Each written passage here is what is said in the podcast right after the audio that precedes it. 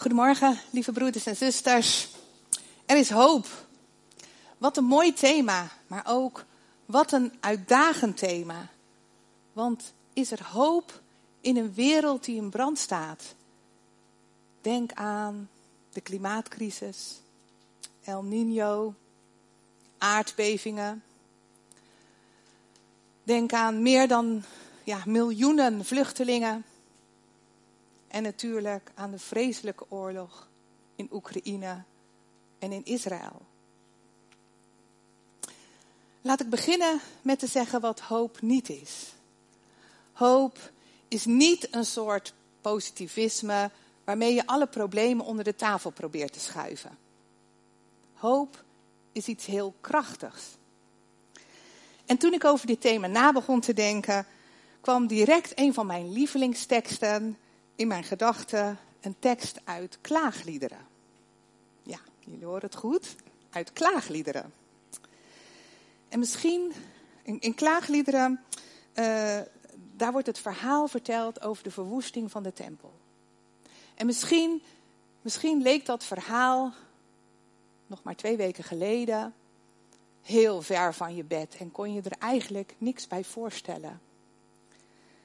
Maar nu, met de beelden van 7 oktober op ons netvlies, al die doden in de kibbutzen, de ontreddering in Israël, de gijzelaars.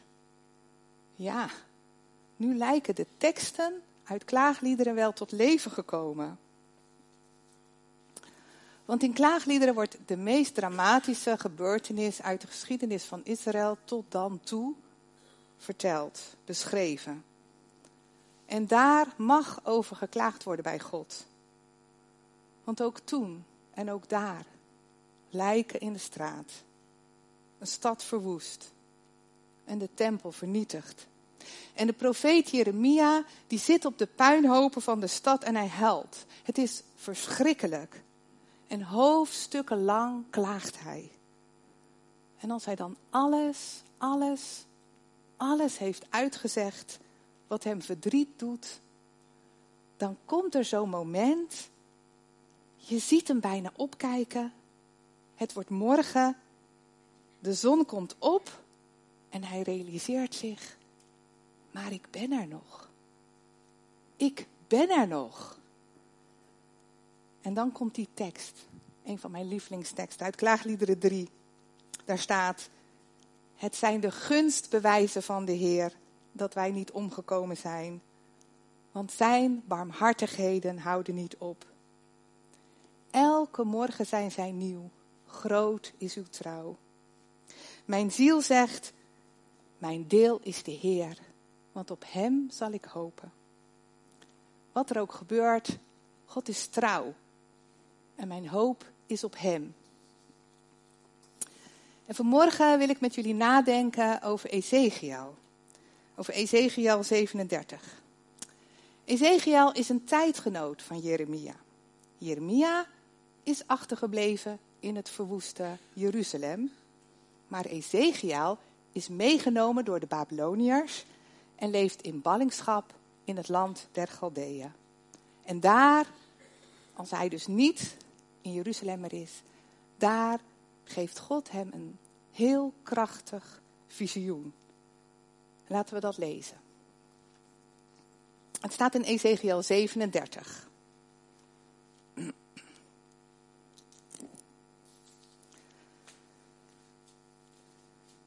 De hand van de Heere was op mij. En de Heere bracht mij in de geest naar buiten en zette mij neer midden in een vallei. Die lag vol beenderen. Hij deed mij er aan alle kanten omheen gaan. En zie, er lagen er zeer veel op de grond van de vallei. En zie, ze waren zeer door. Hij zei tegen mij: Mensenkind, zullen deze beenderen tot leven komen? En ik zei: Heere, Heere, u weet het. Toen zei hij tegen mij: Profeteer tegen deze beenderen en zeg tegen hen: Door de beenderen hoor het woord van de Heere. Zo zegt de Heere, Heere tegen deze beenderen: Zie, ik ga geest in u brengen en u zult tot leven komen. Ik zal pezen op u leggen, vlees op u doen komen, een huid over u heen trekken en geest in u geven, zodat u tot leven komt. Dan zult u weten dat ik de Heere ben. Toen profeteerde ik zoals mij geboden was. En er ontstond een geluid zodra ik profeteerde. En zie een gedruis. De beenderen kwamen bij elkaar, elk been bij het bijbehorende been. En ik zag en zie, er kwamen pezen op. Er kwam vlees op en hij trok er een huid overheen. Maar er was geen geest in hen. Hij zei tegen mij, profeteer tegen de geest, profeteer mensenkind. Zeg tegen de geest, zo zegt de Heere Heere, geest, kom uit de vier windstreken en blaas in deze gedoden, zodat zij tot leven komen. Ik profeteerde zoals hij mij geboden had. Toen kwam de geest in hen en zij kwamen tot leven. Zij gingen op hun voeten staan. Een zeer, zeer groot leger. Toen zei hij tegen mij, mensenkind, deze beenderen zijn heel het huis van Israël. Zie, ze zeggen, onze beenderen zijn verdord en onze hoop is vergaan. Wij zijn afgesneden. Profeteer daarom en zeg tegen hen, zo zegt de Heere Heere, zie, ik zal uw graven openen en ik zal u uit uw graven doen oprijzen, mijn volk, en ik zal u brengen in het land van Israël. Dan zult u weten dat ik de Heere ben, als ik uw graven open en als ik u uit uw graven doe oprijzen, mijn volk. Ik zal mijn geest in u geven, u zult tot leven komen en ik zal u in uw land zetten. Dan zult u weten dat ik de Heere dit gesproken en gedaan heb, spreekt de Heere. Nou, wat een bijzonder schriftgedeelte. Wij hebben heel vaak veel vragen aan God. God, waarom dit? God, waarom dat? Maar in dit gedeelte vraagt God iets aan ons. Namelijk, mensenkind, denk je dat deze beenderen tot leven kunnen komen? Ik vind het een hele indringende vraag. En in eerste instantie wordt deze vraag natuurlijk aan Israël gesteld. Israël is somber, Israël ziet het niet meer zitten. En het is ook geen wonder, want de tempel ligt in puin. Hun vijanden zijn het land binnengetrokken en ze zijn weggevoerd naar Babylonië. Ze zien en ze horen niets meer van Gods ingrijpen. En ze zeggen, en zo staat het ook in vers 11, hè, dat hebben we net gelezen, ze zeggen, onze beenderen zijn verdord en onze hoop is vergaan. Wij zijn afgesneden. Met andere woorden, we zijn ten dode opgeschreven. Ze zien het helemaal niet meer zitten. En als ik heel eerlijk ben en ik praat met mensen om mij heen, dan hoor ik vaak hetzelfde. Al die ellende in de wereld. Hoe moet dat nou? Maar ook als ik om me heen kijk, kan het me zo aangrijpen. Zoveel mensen die God niet meer kennen. En God die uh, laat om te beginnen eerst Ezekiel de situatie zien. Ezekiel moet rondkijken en um, hij ziet dan een dal, zover hij kan kijken, met doodsbeenderen. En dat is een beeld voor geestelijk dood. Geestelijk leven was er haast niet meer in Israël. En God leidt hem er doorheen. Het is een heel luguber gezicht. Het is eigenlijk een soort massagraf. En de beenderen, die, die liggen daar te bleken in de zon. Ze liggen overal verspreid. Ze zijn helemaal uitgedroogd. Ze moeten er al heel lang gelegen hebben. Het is lange tijd al niet meer geestelijk goed in Israël. En Ezekiel gaat rond en hij moet gewoon kijken en God zegt, kijk nou eens even om je heen. En zover Ezekiel kan kijken, ziet hij doodsheid. Het is dramatisch. En ik denk dat het ook belangrijk is voor ons.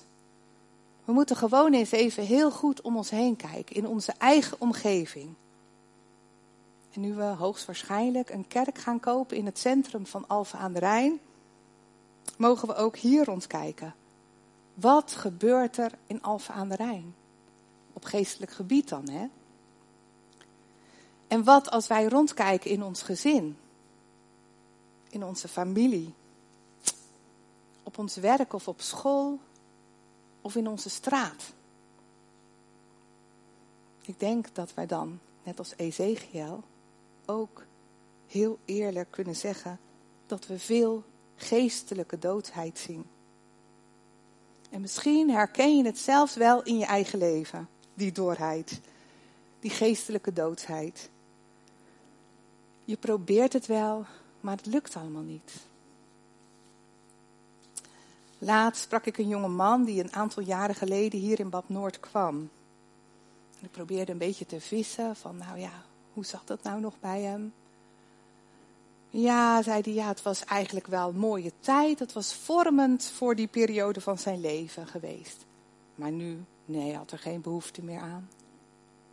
En ik spreek ook mensen, oudere mensen, die vaak zeggen: Ja, ik ben wel christelijk opgevoed, maar nee, nee, met de kerk heb ik niks meer. En God? Nee, daar geloof ik niet in. Ze zijn geestelijk dood. Ezekiel moest rondkijken in Israël. En zo moeten wij rondkijken in onze situatie. En misschien zien wij ook wel wat Ezekiel zag. Heer, hoe nu verder? Is er hoop? En dan klinkt die indringende vraag van God. Natuurlijk eerst aan Ezekiel voor zijn eigen volk Israël, maar daarna ook aan ons. Mensenkind, je, je bent maar een kwetsbaar mensenkind. We moeten niet te groot van onszelf denken. Mensenkind, zullen deze beenderen tot leven komen? Ezekiel, kijk rond in je volk. Geloof jij dat er een geestelijke vernieuwing kan plaatsvinden? En vanmorgen aan ons. We kennen onze omgeving. We kennen de mensen met wie we mogen leven.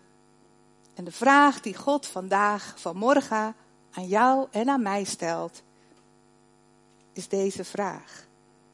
Geloof jij, mensenkind, dat dit geestelijke doden, wat wij heel veel om ons heen zien, geloof jij dat dit tot leven kan komen? Geloof jij dat de mensen die zeggen ik heb niks meer met God, dat die tot levend geloof in God kunnen komen? Geloof je nog in bekering en verandering in je familie? Bij je kinderen, bij je collega's, in je straat en in je buurt. En als God een vraag aan je stelt, moet je antwoord geven. Denk er eens even over na. Wat zou jij tegen God zeggen?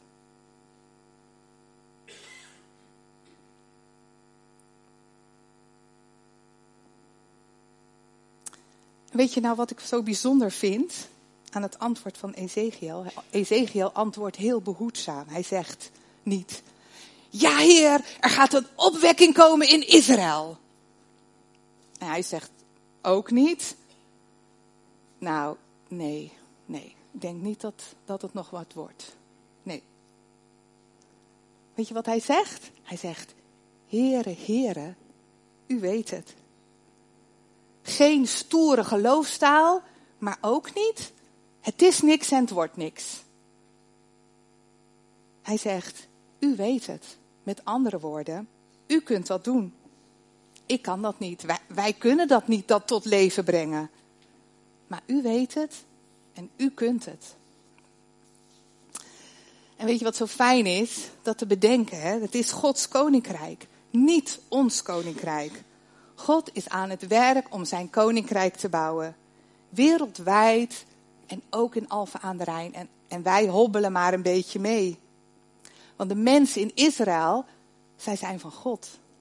De mensen in Gaza, zij zijn van God.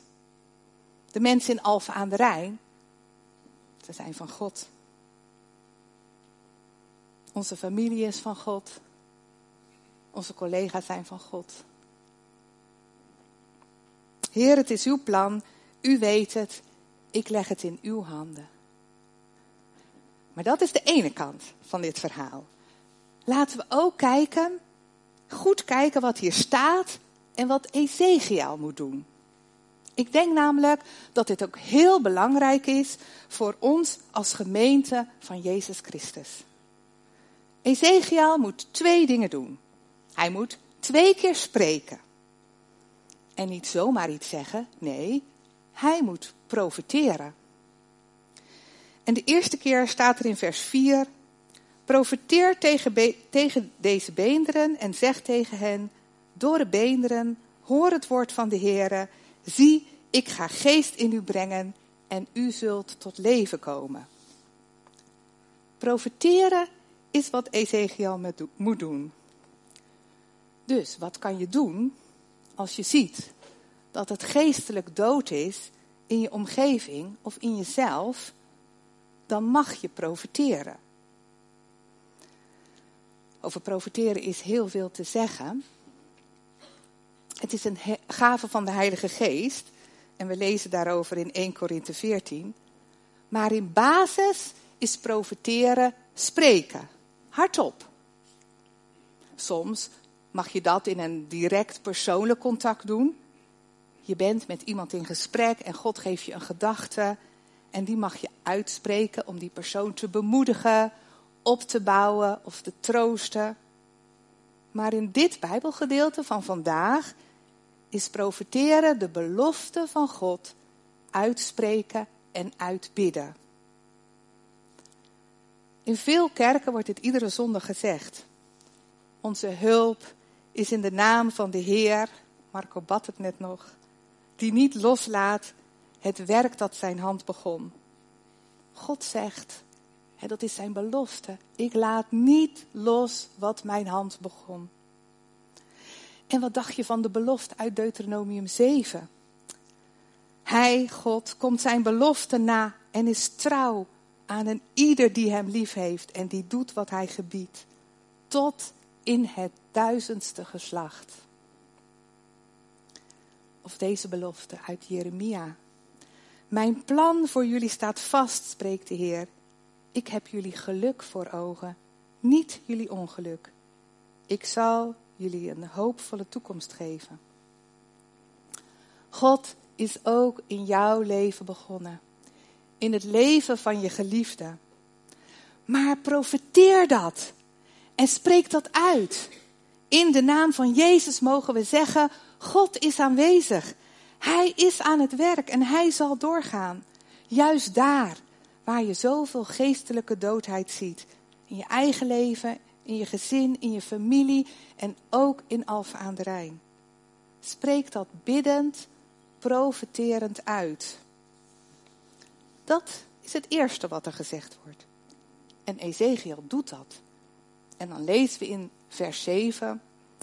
Toen profeteerde ik zoals mij geboden was. En er ontstond een geluid zodra ik profeteerde. En zie, een gedruis. De beenderen kwamen bij elkaar, elk been bij het bijbehorende been. Er ging iets gebeuren. Er ontstond een geluid, een gedruis. En wat gebeurt er als wij in de naam van de Heer Jezus uitbidden, uitspreken wat God beloofd heeft? Nou, er gebeuren sowieso twee dingen. Want vernieuwing, nieuw leven, gebeurt altijd in twee stappen. Eerst moet Ezekiel zeggen, kom tot leven. En de botten komen bij elkaar. Pezen, vlees, een huid, een lijf. Het wordt heel plastisch beschreven. Maar het leeft nog niet. Letterlijk staat er aan het einde van vers 8, maar adem was er niet in hen. En dit is denk ik hoe het gaat bij vernieuwing. Eerst komen mensen bij elkaar. Denk aan de Alpha-cursus. Er komen mensen naartoe en die ervaren, er gebeurt hier iets. Gods geest is daar aanwezig zonder dat zij dat nog beseffen. Dat kan ook als je mensen bij je thuis uitnodigt. En denk aan de mogelijkheden die we straks hebben in de Goede Herdenkerk. Als wij daarvoor bidden, gaat God mensen bij elkaar brengen, naar ons toe leiden, die bij ons willen zijn. Voor hulp, voor een maaltijd, voor een luisterend oor. Ik geloof dat God ernaar verlangt om mensen bij elkaar te brengen. Is dat nieuw leven? Nee, nog niet. Maar het is het begin. De woorden die, die gebruikt worden hier in Ezekiel, die komen we ook tegen in Genesis 2, bij de schepping van de mens. Ook daar zien we twee stappen. God maakt Adam, hij, hij, hij schept, hij, hij kleidt eerst een, een, een lichaam, een, een man. En dan komt fase 2. Dan blaast God de levensadem, zijn geestesadem in Adam. En komt hij tot leven.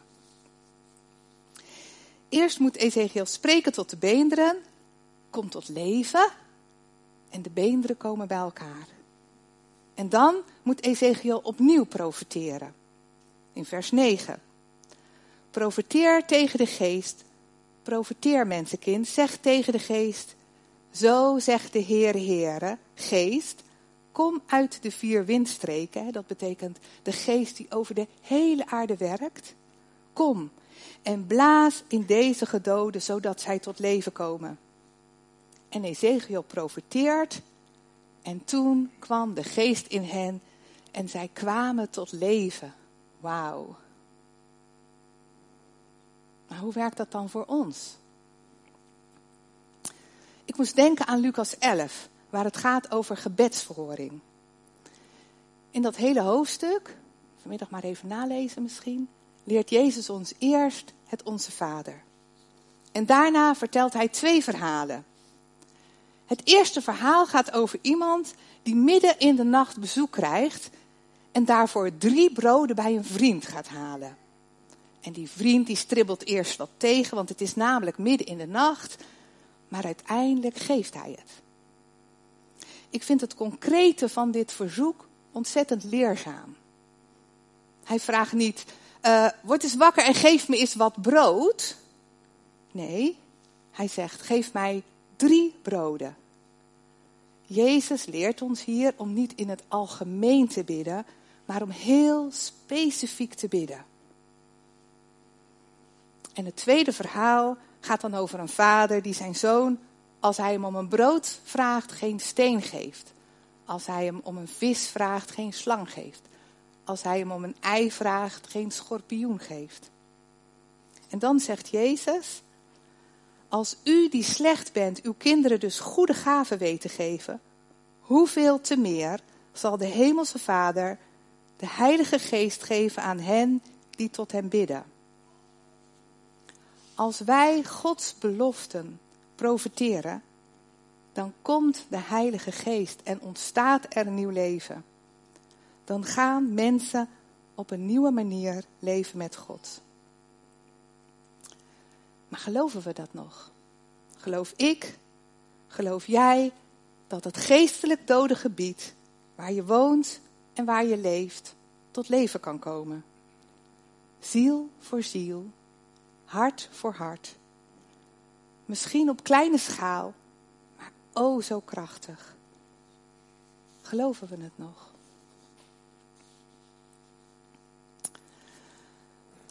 Ezekiel 37 eindigt met een hele mooie belofte. Belofte voor Israël. Ik zal mijn geest in u geven, u zult tot leven komen en ik zal u in uw land zetten. Dan zult u weten dat ik de Heere dit gesproken en gedaan heb, spreekt de Heere. En ja, daar zien we natuurlijk een vervulling van, dit, van deze belofte in 1948. En laten we bidden dat juist in deze ongelooflijk moeilijke tijd dat de seculiere Joden zich weer zullen wenden tot God, tot de levende God, tot de Heer Jezus. En dat deze belofte van God nog steeds door mag werken. Dus, lieve broeders en zusters, is er hoop? Kan de situatie in deze geestelijke dode tijd waarin we leven veranderen? Kunnen onze geliefden geestelijk tot leven komen? Kan Alphen aan de Rijn tot geloof komen. Het thema van deze dienst is Er is hoop, want Hij is onze hoop. En het enige wat wij kunnen doen, zijn de woorden en de beloften van God over de levens van de mensen om ons heen profiteren. Vul hen met uw Heilige Geest. En zullen we dat gaan doen? Zullen we samen bidden? En misschien als jij iemand in gedachten hebt, dat het jouw verlangen is dat God hen vult met uw Heilige Geest. Als je iemand in je gedachten hebt, dan wil ik je vragen om het te gaan staan als we dit bidden.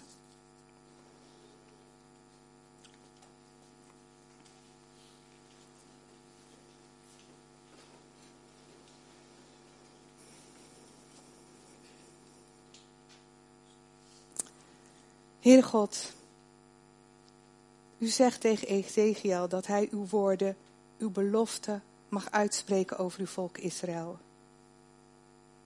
Dank u wel dat we mogen zien dat u door de geschiedenis heen nooit uw volk hebt losgelaten en dat u het ook nooit zult loslaten.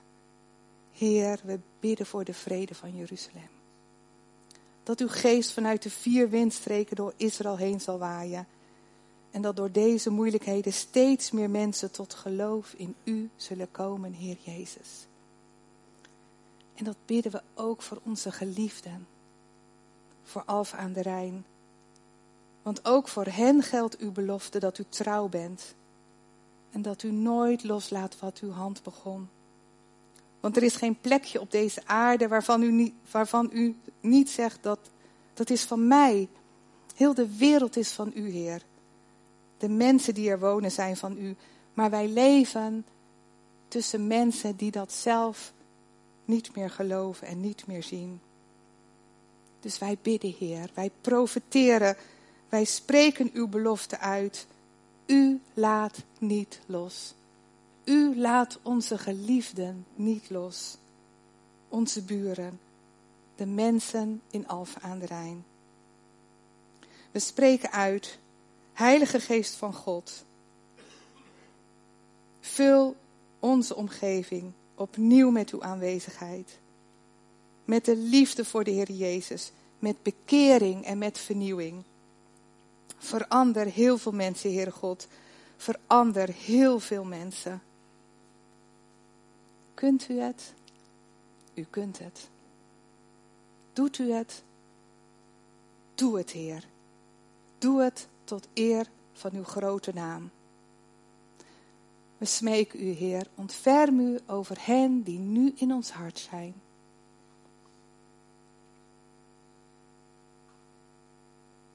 En over de mensen in Alphen aan de Rijn.